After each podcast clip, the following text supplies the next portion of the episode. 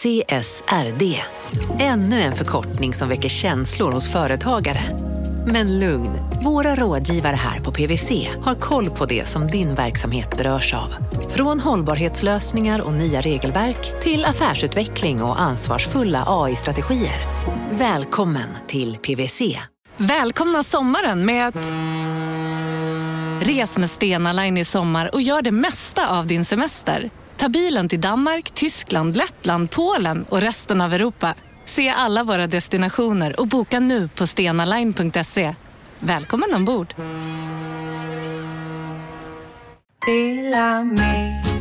Hej! Är du en av dem som tycker om att dela saker med andra? Då kommer dina öron att gilla det här. Hos Telenor kan man dela mobilabonnemang. Ju fler ni är, desto billigare blir det. Skaffa Telenor familj med upp till sju extra användare. Välkommen till någon av Telenors butiker eller telenor.se.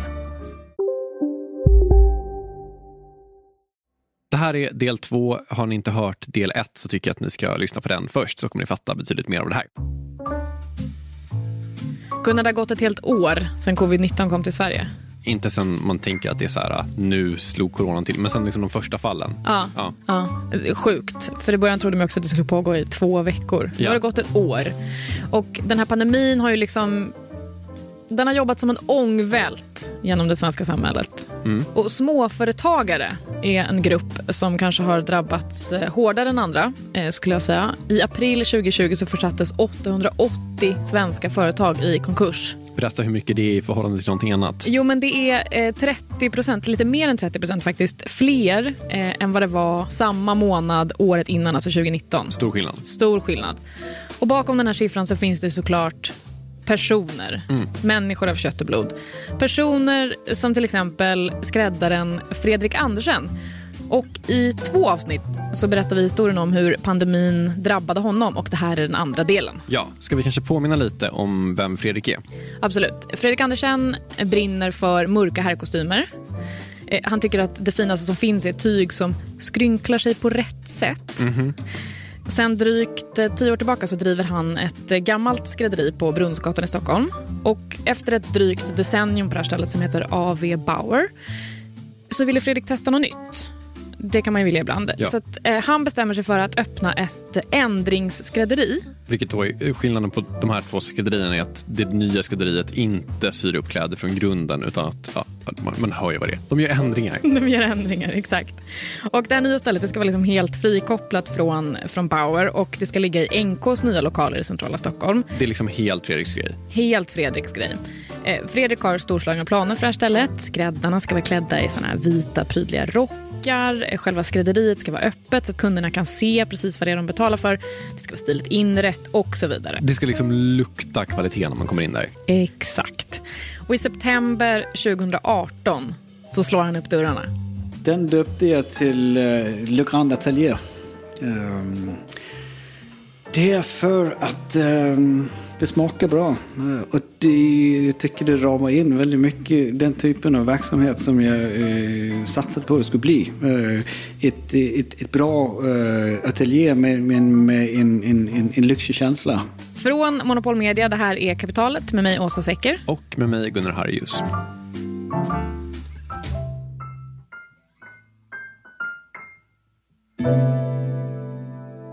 Det är alltså september 2018 och Fredrik Andersson har precis slagit upp dörrarna till sitt ändringsskrädderi. Det ligger i NK Parkaden i Stockholm. Han har aldrig startat upp något helt från grunden förut. Det var, det var svintufft. Alltså det, var- det, vi stötte på alla möjliga problem. Eh, jag trodde att jag hade säkrat upp och, och tänkt igenom alla tänkbara scenarier och, och, och, och säkrat upp eh, där. Men det kan man ju inte eh, tydligen. Nej, tydligen inte. V- vad var det som hände? När jag öppnade eh, det i september, då var det bara jag och skomakeriet som öppnade. Eh, resten var ett stor byggplats. Så från början så hittade folk inte ens överhuvudtaget. Eh, så det var ju en utmaning. Eh, att stå med eh, en, verksamhet igång eh, som folk hade väldigt svårt att hitta. Det här var ju tack och lov ett så tidsbegränsat problem som liksom löste sig bara av att tiden gick och resten blev klart. Mm. Så att de kör igång och efter ett tag så börjar det ändå gå ganska bra. Eh, det här stället verkar liksom vara uppskattat bland de som ändå hittar dit. Hur eh, bra går det då i siffror, tycker jag? Du vill alltid ha siffror, Gunnar. Bara kräver och kräver. Nej, men när de är på banan så lyckas de komma upp i en omsättning på 5 miljoner det första året. Eh, Det tycker inte jag är så himla illa. Verkligen inte. Och Fredrik har ju såklart också en eh, plan då för de kommande åren. Målet var då att komma upp i en, en, en, en, 7-8 miljoner eh, år två eh, och för att sedan eh, år tre, fyra eh, faktiskt börja att eh, tjäna tillbaka de pengar som jag investerade i det. Um, för jag hade ju investerat allt vad jag hade eh, kunnat skrapa ihop. Uh, uh, allt vad jag har sparat upp de sista tio åren. Så det, Plus tagit lån i huset för att vara så säker på att eh, det här det kommer att bli bra. Eh, eh, det kommer att bli bra. Du la in allt du hade sparat och du belånade ditt hus. ja. Alltså nu jobbar ju vi på ett litet företag också, så att bara förtydliga för folk som kanske inte gör det. Det här är ju så jävla all in. Alltså det här är verkligen kaxigt. Man måste våga för att vinna och så vidare. Ja. och ska man prata om hur mycket Fredrik har satsat på det här, då tycker jag faktiskt att man också måste prata om hur mycket han satsar av sin tid. Det var ju svin mycket jobb. Eh, det var ju, eh, alltså då, det gick bra men det var hela tiden saker som skulle förbättras. Hela tiden nya hinder och nya utmaningar. Eh, uh, både få ihop det rätta personalet.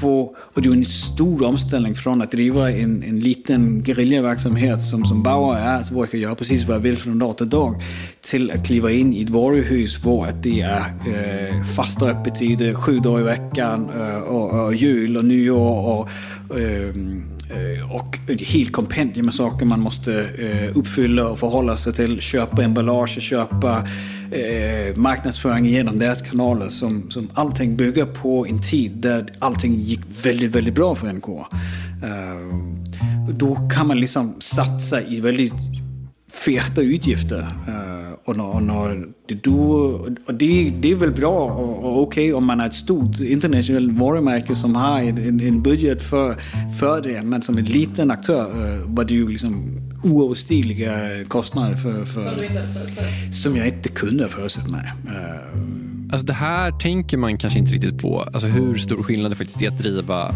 butik i ett varuhus eller en galleria jämfört med att driva någonting som är helt ens eget. Jag hade aldrig reflekterat över det förrän Fredrik berättade det här att så här, just ja, man måste ju förhålla sig till någon annan som har bestämt öppettiden. Jag får inte bestämma själv. Det Nej. måste vara öppet på söndagar för Det är som om, eh, öppet på söndagar. Det är som kapitalet skulle börja gå på Spotify, alltså att de skulle köpa oss, så skulle man kanske få så här, nu måste ni göra ett visst antal avsnitt om året och sånt där. Men du, fråga, jobbar han alltså också på Bauer medan allt det här pågick? Ja, det var väl en, en, en period av eh, inte sova så jättemycket. Ehm, jag var väl här fysiskt på dagarna. Ehm, och, eh, men, men det var det största problemet, eller största utmaningen. Det är väl där man har huvudet också. Eh, och, men så är det så när man, när man är uppe i den tempot och den så, så lämnar du inte bakhuvudet någon gång utan du, du sista man tänker på innan man, man, man somnar och eh, man drömmer bara om saker som är relaterade till det och alla gånger under natten man vaknar så är det eh, för att checka av olika listor på, eh, på, på to-do-listan eh, och det absolut det första man tänker på när man eh, eh, hör väckarklockan. Eh, och innan man hör väckarklockan också. Eh, så, så det är enormt eh, krävande. Eh, Alltså man hör ju ofta att folk som startar eget företag jobbar väldigt mycket. Alltså det kan nästan bli lite sådär att det är coolt typ att man sitter på kvällar och helger och bara mm, det är mycket nu för de är entreprenörer. Du, det är inte bara nästan det kan bli så, va? utan det är, väl, det är väl väldigt mycket att det finns en sån diskurs Ja. kring entreprenörskapet. Ja, det, nej, det är så provocerande. Men jag tycker inte lika ofta att man hör om den här biten, nämligen att man som egenföretagare på det här sättet liksom aldrig riktigt kan slappna av. Alltså så som Fredrik beskriver här. Det är liksom febril aktivitet i bakhuvudet dygnets alla timmar. Då menar jag dygnets alla timmar, nämligen inklusive när man sover. Ja, men det kan jag verkligen tänka mig. Alltså, så här, nu, alltså, det är väl dels att han har det här vanliga jobbsurret som jag tror väldigt många har i huvudet. Att det är så här, man tänker på jobbet. Det är liksom Bauer-delen av hans hjärna. Men sen så är det också hela den här, jag har bokstavligen pantsatt mitt hus för att satsa på den här andra grejen. Alltså det surret måste ju vara helt stört. Det är en enorm press han har bestämt sig för att utsätta sig själv för. Verkligen. Kan man säga. Men Fredrik är inte den som eh, lägger över första taget. Han kämpar på. Och så blir det 2020 och i januari 2020 så är det ändå rätt bra snurr på affärerna. Mm. För att det är mycket rea i butikerna. Mm. Eh, butiker som säljer kläder. Så det är mycket kläder i omlopp och på marknaden kan man säga. I handeln. Det är bra för Fredrik. Det är bra för Fredrik som yeah. ägnar sig åt att ändra på kläder. Man kanske gör ett impulsköp av en dyr kavaj som man sen måste rätta till lite. Ja, men det kan vara så. Mm. Eh, februari är tydligen en lite lugnare månad, eh, brukar vara. Eh, så då har han säkrat upp med lite andra uppdrag. Bland annat så gör han kläder åt restaurangpersonal. Och alldeles i början av mars eh, så åker Fredrik på skidsemester till Österrike. Och liksom I slutet av februari, början på mars, då pratade vi ju om covid-19. Eh, Sverige hade ju fått sina första fall där omkring lite tidigare. Men det är ju fortfarande vid den här tiden framför allt någonting som pågår i norra Italien. Fram tills en dag i mitten på mars. När jag kom hem så dog staden fullständigt. Eh, från början på mars där så, så tömdes eh, stan. Eh, all handel dog. Och från 15 mars så, eh, så stängde ju alla kontoren i stan alla lunchserveringar stängde. Allt, alltså, hela stan ju bara uh, dog. Det var som en spökstad. Och NK låg ju fullständigt öde. Det här är Dagens Eko, kvart i fem. Statsministern håller presskonferens om coronautbrottet. Ja, välkomna till den här pressträffen. Vi har viktig information till hela Sveriges befolkning. Då med anledning av coronaviruset och de följder som det ger runt om i världen. Alltså jag, har inte, jag har inte faktakollat här mot min dagbok, men jag tror att det var runt den 15 mars som poletten liksom trillade ner för mig. Jag var en sån här otroligt osympatisk person som typ inte tyckte att det här var en stor grej i början. Och bara, men gud, lugna ner er. Du hade kunnat komma undan med det här, men du väljer ändå att hänga ut dig själv. tycker jag ändå är rakryggat. Ja, men jag, jag, står, jag ja. står för att jag hade fel. Ja. Eh, för sen dess har ju liksom pandemin bara varit en del av livet. Verkligen. Men jag tänker ändå att vi ska försöka liksom ta oss tillbaka till den där första tiden när det faktiskt var lite så eh, kusligt nästan i Stockholm. Ja. För att det var tomt på gatorna. Det är det ju inte nu på samma sätt trots att pandemin fortfarande pågår. Det mm. var, mm. ja men minns du? Jag minns verkligen att man gick, eh, jag var på kontoret så lite som möjligt men att så här, man, och jag åkte dit någon kväll och så, här, så bara gick man ut på, då hade vi kontor vid Hornsgatan och man var så här, nu är jag den enda personen på Hornsgatan. Jag kan säga att det är Stockholms kanske näst största gata. Ja men verkligen, det var, det var en obehaglig stämning. Och mitt i det här så står Fredrik Andersen. Hans ändringsskrädderi har varit öppet i ett drygt år. Det har gått ganska bra. Han har också satsat allt han har, både i tid och pengar. Han har slitit som ett djur. Han har slitit som ett djur och så plötsligt, från ingenstans, stendött. Alltså från lite kunder under så lågsäsongsfebruari till exakt inga kunder alls, inte en enda, noll, nada. En mardröm, så vad gör man? Ja, vad sjutton gör man då? Efter det här. Vi sponsras av Storbrand Asset Management som ju förvaltar över 1000 miljarder norska kronor, bland annat för SPPs eh, många pensionssparare. För två år sedan så investerade Storbrand i drygt 60 tåg, alltså tågvagnar, eh, som rullar mellan London och Skottland. De leasar sedan de här tågvagnarna till tågoperatören som alltså kör tågen och säljer biljetter och sånt eh, med ett avtal på 27 år. Så britterna får nya fina tåg och storbrandskunder, eh, däribland alltså SPPs pensionssparare, får en inflationsskyddad avkastning med låga risker under lång tid. Det här är ett av supermånga exempel på hur pensionskapitalet i växande omfattning bidrar till att bygga samhället och inte minst till att klara klimatmålen. Det behövs elproduktion, elnät, batteriparker, nya transportlösningar och allt möjligt. Bara i Europa antas investeringsbehovet för att klara klimatmålen uppgå till tusentals miljarder dollar och det här är ju pengar som ganska ofta saknas i statsbudgetarna. Däremot är det här pengar som pensionsbolagen kan vara med eh, och stoppa in, vilket ger pensionsspararna en fin avkastning under lång tid samtidigt som man är med och ställer om samhället. Vi har gjort ett helt avsnitt om det här eh, som man kan lyssna på. Det publiceras här i Kapitalet i mitten av maj. Ratta gärna in det om ni vill lära er mer om hur det här funkar. Men tack säger vi till Storbrand Asset Management som ju investerar i alla tänkbara tillgångslag, bland annat för pensionsbolaget SPP. Och tillsammans försöker ju vi, Storbrand och SPP öka medvetenheten om hur pensionerna funkar och vilken roll pensionerna spelar i samhället och i ekonomin. Okej, kort recap. Fredrik Andersens ändringsskrädderi på NK i Stockholm har funnits i ett drygt år. Första året har gått ganska bra. Alltså, det är inte för andra eller tredje året som han räknar med att göra vinst. Han har satsat allt han har och det har liksom, han har hög omsättning kan man säga. Och så blir det mars 2020. Det är ju makabert. Alltså det är ju, jag gjorde ju det några tillfällen var jag tog en tur upp genom huset, eh, varuhuset för att bara kolla läget själv. Och eh, när, man, när det då, då kommer man som person där och man ser eh, de här eh, den här lilla gnistan av hopp som tänds i ögonen på eh, expedienterna. Och, men varuhuset är, det bara expedienter som är där. Eh, och när de så inser att ja, det är en som också jobbar i huset där så hur hoppet slocknas igen där. Vi pratar ju om ett, ett varuhus som var helt tomt, som om dörren inte ens har varit öppna. Eh, det är makabert. Det, det, är ju, eh, det är ju helt bisarrt. Det är spökhus är så himla overkligt att överhuvudtaget tänka sig ett tomt NK och sen tänker man att det är ett tomt NK under typ rusningstid inom citationstecken. Obehagligt. Ja. Så vad gör han? Jo, men han inser ju rätt snabbt att så här, det, här, det här är ohållbart. Han har ju hyra för sin lokal och löner att betala, men har han inga kunder så har han ju exakt noll inkomster. Och han har ju, som vi har sagt ett par gånger nu, alltså gått in med allt för att starta upp det här. Så han har liksom inte möjlighet att så här, plocka från sina sparpengar och så här, täppa till lite hål, för det finns inga sparpengar.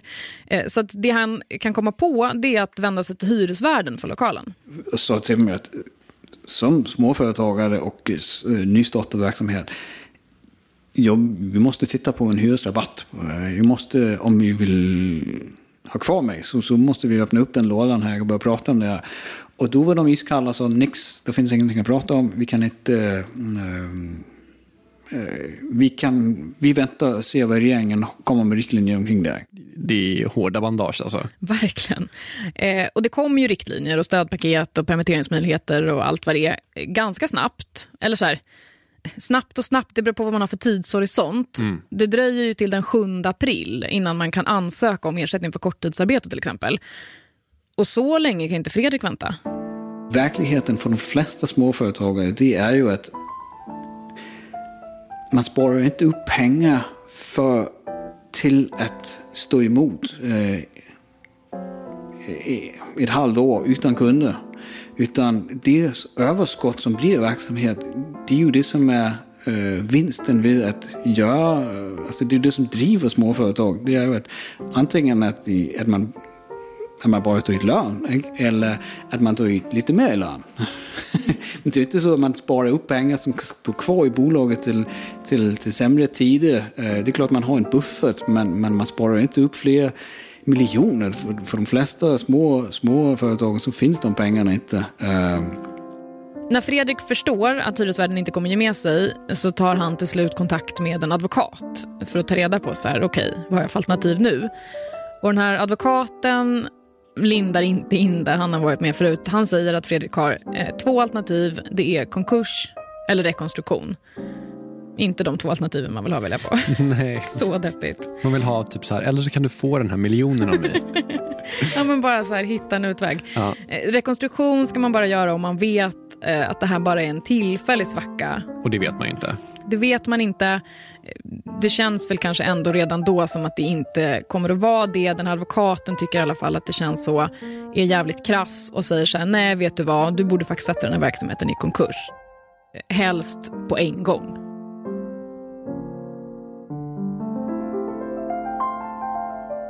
Men vad tänker du då när han säger det? Alltså tänker jag, nej, nej, nej, nej, absolut inte. Alltså, jag har plöjt ner två miljoner i det här läget. Där. Jag har belånat huset. Jag liksom, jag, jag, vad, hur, hur, vad ska jag få, eh, av, inte minst liksom, det låg ju, det var ju,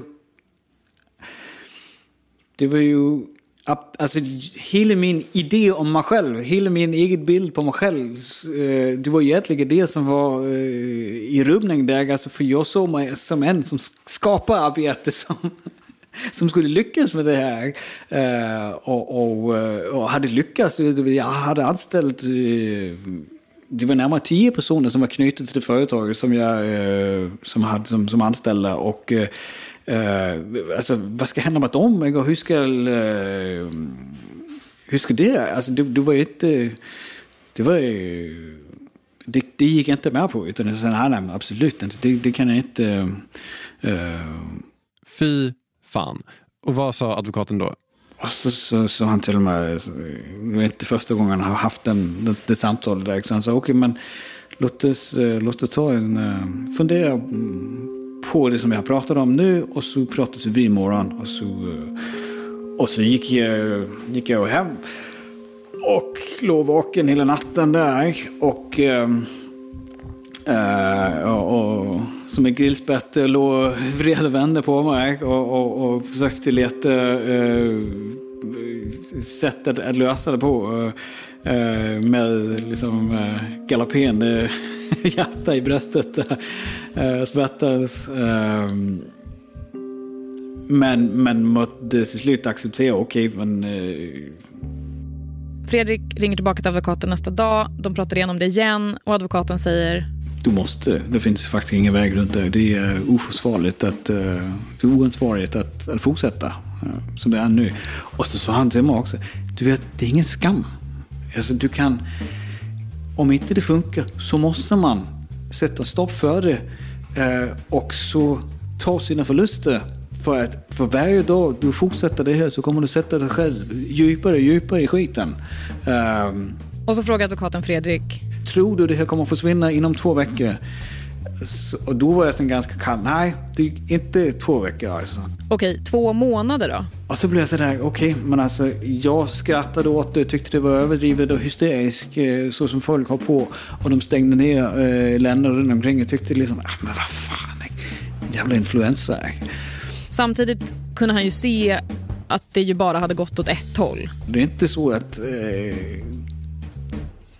att det kanske liksom försvinner i, i, imorgon. Utan... Så advokaten frågar igen, eh, tror du att det försvinner om två månader? Tror du att vi är tillbaka om två månader? Om två månader, om vi är tillbaka där, så börjar jag räkna på det. Alltså, mars, april, maj och juni är de absolut mest, eh, de bästa månaderna. Det är där alla bröllop är, alla dop, alla fester, alla studenter. Alltså det är där det är absolut störst behov av skräddartjänster till exempel. Så om de går miste om de månaderna? Så kommer vi in i juli månad som är, då försvinner stan och så eh, möjligen i augusti så börjar det långsamt dra igång igen. Eh, för att eh, sedan september, oktober, eh, november är, är hyfsade månader. Men, men de här tre månaderna på våren, det är absolut de, de viktigaste månaderna. Om de försvinner då finns det faktiskt ingen möjlighet att få ta igen eh, det tappet om inte man kan fylla på med ytterligare en miljon eh, från, eh, från, från fickan. Och det kunde inte Fredrik? Då, då sa jag okej, okay, men då sätter vi det i konkurs. Sa du det till honom i telefon? Ja. Att faktiskt fatta det där beslutet är nog det svåraste med allt det här. Men bara för att beslutet är taget så betyder ju inte det att det är slut på lidandet. Vad som hände sen efter det här. Kapitalet sponsras av Master Exchange, plattformen där du som privatperson kan investera i låtar och får pengar varje gång de här låtarna spelas. Eh, vi berättade ju senast eh, om barnlåten Puff the Magic Dragon som noterades av Master Exchange under våren nu har utdelningen på den låten kommit, eller royaltyn som vi säger i musikbranschen. Eh, den ligger på drygt 12% i årstakt och det här är ju en avkastning som är helt okorrelerad till eh, börsen. Till och med Goldman Sachs har börjat skriva om just musik som investering eh, just ur det här perspektivet. Nu finns en möjlighet att investera i en ny låt. Eh, låten heter Boss Bitch och den är av Doja Cat som, alltså jag ska inte säga att jag är superdeep här, men eh, det är ändå en, en, person som jag vet om det är. En, en världskändis. Den här låten gav, baserad på förra årets spelningar, en avkastning på drygt 13% Master Exchange har just nu en väntelista på registreringar. Det, det, går lite för bra för dem kan man säga. Men skriver ni in kapitalet som promo code så kan ni eh, runda kön och ansöka om andelar i låten Boss Bitch ändå. Om ni investerar helt vanliga pengar, det är inget krypto eller sånt där, så vill du investera i musik och få en avkastning som är helt okorrelerad med börsen och kanske inte minst för att det är kul att äga låtar, eh, så kan man gå in på masterexchange.com och använda kapitalet som promo code så går man alltså förbi kön. Kom ihåg dock att alla investeringar är förenade med risk, men vi säger stort, stort tack till Master Exchange. Kapitalet sponsras av Karla, Jakob. Ja, bilar igen. Ja, det är eh, härligt. På Karla kan man sälja sin elbil eh, på det gissningsvis smidigaste sättet i Sverige. Eh, Karla har ju ett nästan ett komiskt högt användarbetyg på Trustpilot. Mm. 4,8 av 5, vilket jag typ aldrig hört talas om. Nej, det är väldigt, väldigt högt. Eh, man knappar in lite info om bilen på sidan, sen får man en gratis värdering och ett bud. Accepterar du budet kommer Karla och hämtar upp bilen gratis och sätter in pengarna innan de kör iväg. Inget mer än så. Rätt fantastiskt. Nej, det är faktiskt ja. helt otroligt. Och eh, det kan bli ännu mer eh, otroligt än så. Eh, för att vi har nämligen en rabattkod som ger dig 2000 kronor extra för bilen. Så om du säljer din bil så får du två lax extra. Stämmer. Bara sådär. Koden är Monopol och eh, den uppger du när du har värderat bilen och eh, pratat med Karlas inköpare. Koden är giltig till sista maj så att passa på om du går i säljartankar. Jag undrar om vi haft en kod som har gett två lax bara sådär någon gång. Nej. Det är helt otroligt. Man behöver en bil förvisso. Absolut, så det är inte, kanske inte bara sådär, men det är ändå 2000 kronor extra. Väldigt bra. Ja. Så sälj din elbil eller laddhybrid till Karla. Du får 2000 kronor extra med rabattkoden Monopol. Eh, hoppa in och kolla på karla.se. Karla Museet. Där kan man också köpa bilar ska jag tillägga. Verkligen. Vi säger stort tack till Karla.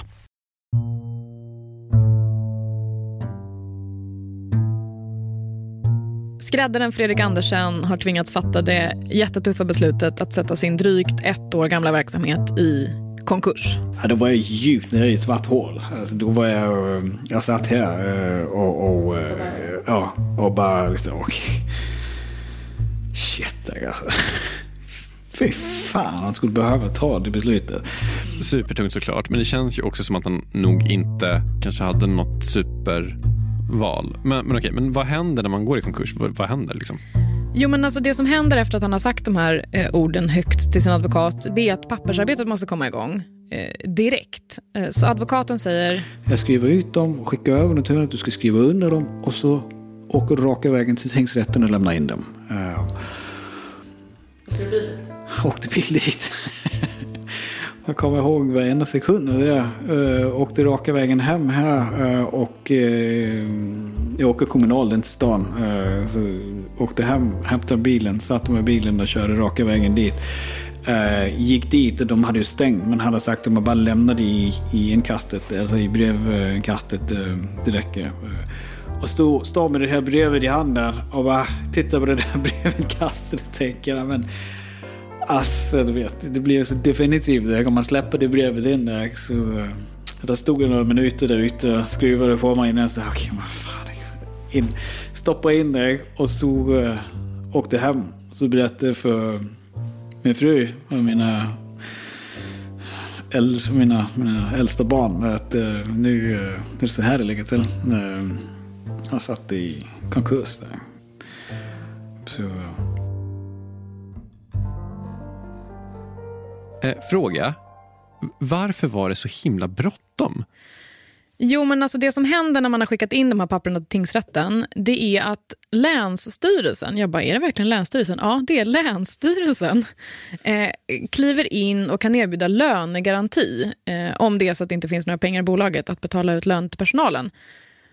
Och Fredrik har ju haft liksom dödsångest över att han inte kan betala ut löner till sin personal. Så den bollen vill man liksom sätta i rullning så snart det bara går. Och så fort papperna har kommit in liksom till tingsrätten med den datumstämpeln så kan det där kicka igång. Och det känns ju otroligt skönt. Alltså att okej, okay, wow. Så när det väl är gjort och han kommer hem och sätter sig på soffan så känner han ju också en enorm lättnad. Att han liksom vet vad som ska hända, att det är en advokat som finns där som tar över. Någon slags lättnad i förlusten, att säga, ja, nu är det över. Ja, ja. ja, men lite så. Men samtidigt så är det ju massa annat som måste lösas antar jag. Ja, det är det såklart. Och Det som var jobbigast med alltihop det här rent känslomässigt eh, det var när alla grejer skulle säljas. Alltså alla inventarier från den här fysiska butiken som det faktiskt var. Eh, och Då går ju det till så när man har konkat att man anlitar ett företag som liksom sätter upp en konkursaktion och så fotar man de här grejerna och så läggs det upp på eh, det här företagets sajt och så får folk buda. Och eh, ja, Fredrik kunde liksom inte låta bli att följa med i den här budgivningen. Och då var det liksom det där extrema skambud. Alltså maskiner som, som är värd 20 000 som, som folk bjöd 200 kronor på. Och, och så jag bara stod och tänkte, men då köper jag det själv. Alltså. Och advokaten sa, nej, nej, nej, gör inte det, gör inte det där. Utan lämna det, lämna det. Och om inte folk köper det, då kan du, då kan du köpa det från konkursboet till liksom, om ingen annan vill ha det så kommer det att slängas. För, då kan du få det. Eh, men, men, men ge dig inte in i det där. Vet, vi hade, det jag har all inventarier. Jag hade ju liksom specialritade möbler och speglar och en, en, en, en specialritat och, uh, matta som jag hade betalat 50, nej, inte 30 000 kronor för. Alltså, som det gick, fick komma upp i 300 kronor. Jag tänkte bara, men vad fan. Alltså. Men, men så är det ju så med aktioner överlag. Det är inte förrän de första, sista timmarna att det, det, det springer iväg där. Ehm, och då uh, visade det sig att då kom det faktiskt upp i ganska hyfsade priser ändå. Det rasslade till den sista timmen. Där. Ehm, Man har ju suttit på några sådana konkursauktionshemsidor och bara så här, det är inte möjligt. Hur, hur, kan jag få en iMac för 100 spänn? Och så fattar man att men det kommer man inte få. Men man sitter också och har lite dåligt samvete för att man är så glad över att man skulle kunna komma över det här kamerastativet för 25 spänn. Liksom. Eh, jag träffade Fredrik i november eh, 2020. Då hade det alltså gått sju månader sedan den där kvällen utanför tingsrätten i Sollentuna. Men hur, hur känns det nu då? Ja, men nu känns det som om jag har så otroligt mycket tid. det, uh, det skapade när väldigt sig, uh, det värsta delen där och, och efter sommaren framförallt här i augusti. Eh, när jag, eh, efter att ha varit lite ledig i juli månad och kom tillbaka där. Alltså det är länge sedan jag varit så, äh, haft så mycket ork och äh, varit så äh, kreativ. Um, så, så ehm, och det märks ju på, på Bauer då, att, att, att, att, augusti, september, oktober har varit ehm, väldigt bra månader. Och jag kan förstå att han liksom känner att han kan andas igen eh, för att det liksom är eh, klart allting. Men här, här kan jag verkligen också känna att så här, hmm, jag och Fredrik är nog rätt olika. För att om jag hade gått igenom det som Fredrik har gått igenom då hade jag nog absolut i november, sju månader senare, känt mig bränd. Alltså som han sa, det var ju liksom hela hans självbild som raserades. Han skulle ju skapa jobb, inte göra folk arbetslösa. Men ja, jag och Fredrik har lite olika psyke kan man väl konstatera. För precis som att han liksom inte tänkte ta ett nej när gubbarna på Bauer vände i dörren för en massa år sedan så tänker han ju såklart inte låta det här nederlaget stoppa honom. Jag känner ju nästan att jag måste göra det med alla de lärdomar som jag har dragit mig från, från första äventyret eh, så vore det ju ganska bortkastat att inte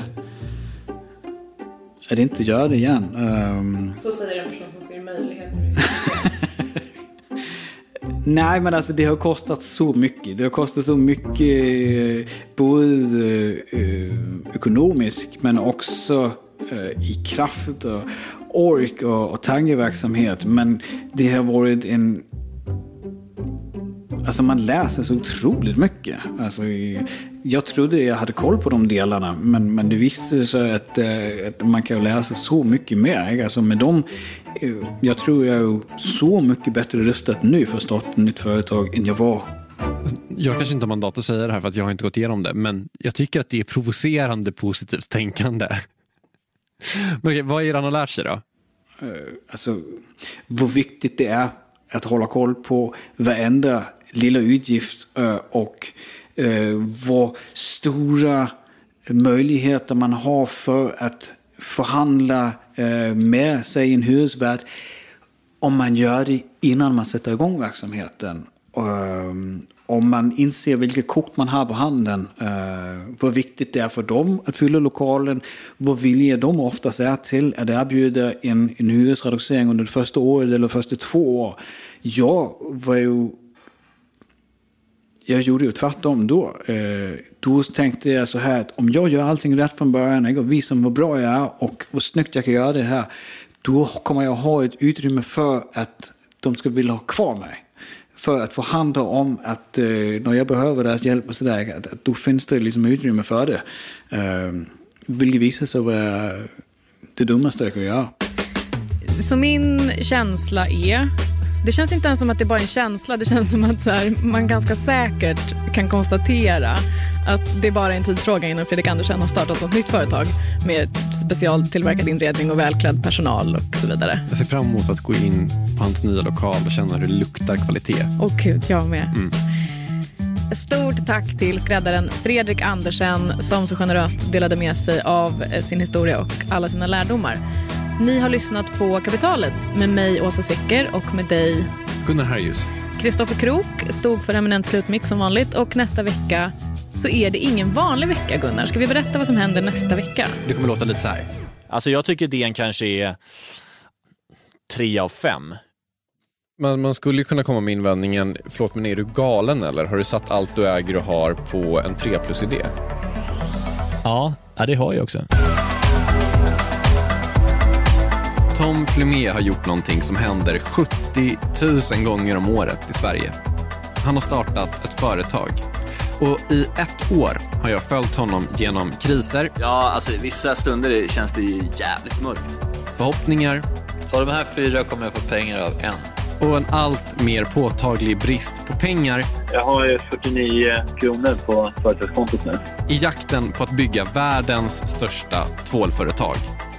Det här är Tvålkungen, en serie om att starta företag på riktigt. Alltså, det jag ska göra nu är ju att ta över världen.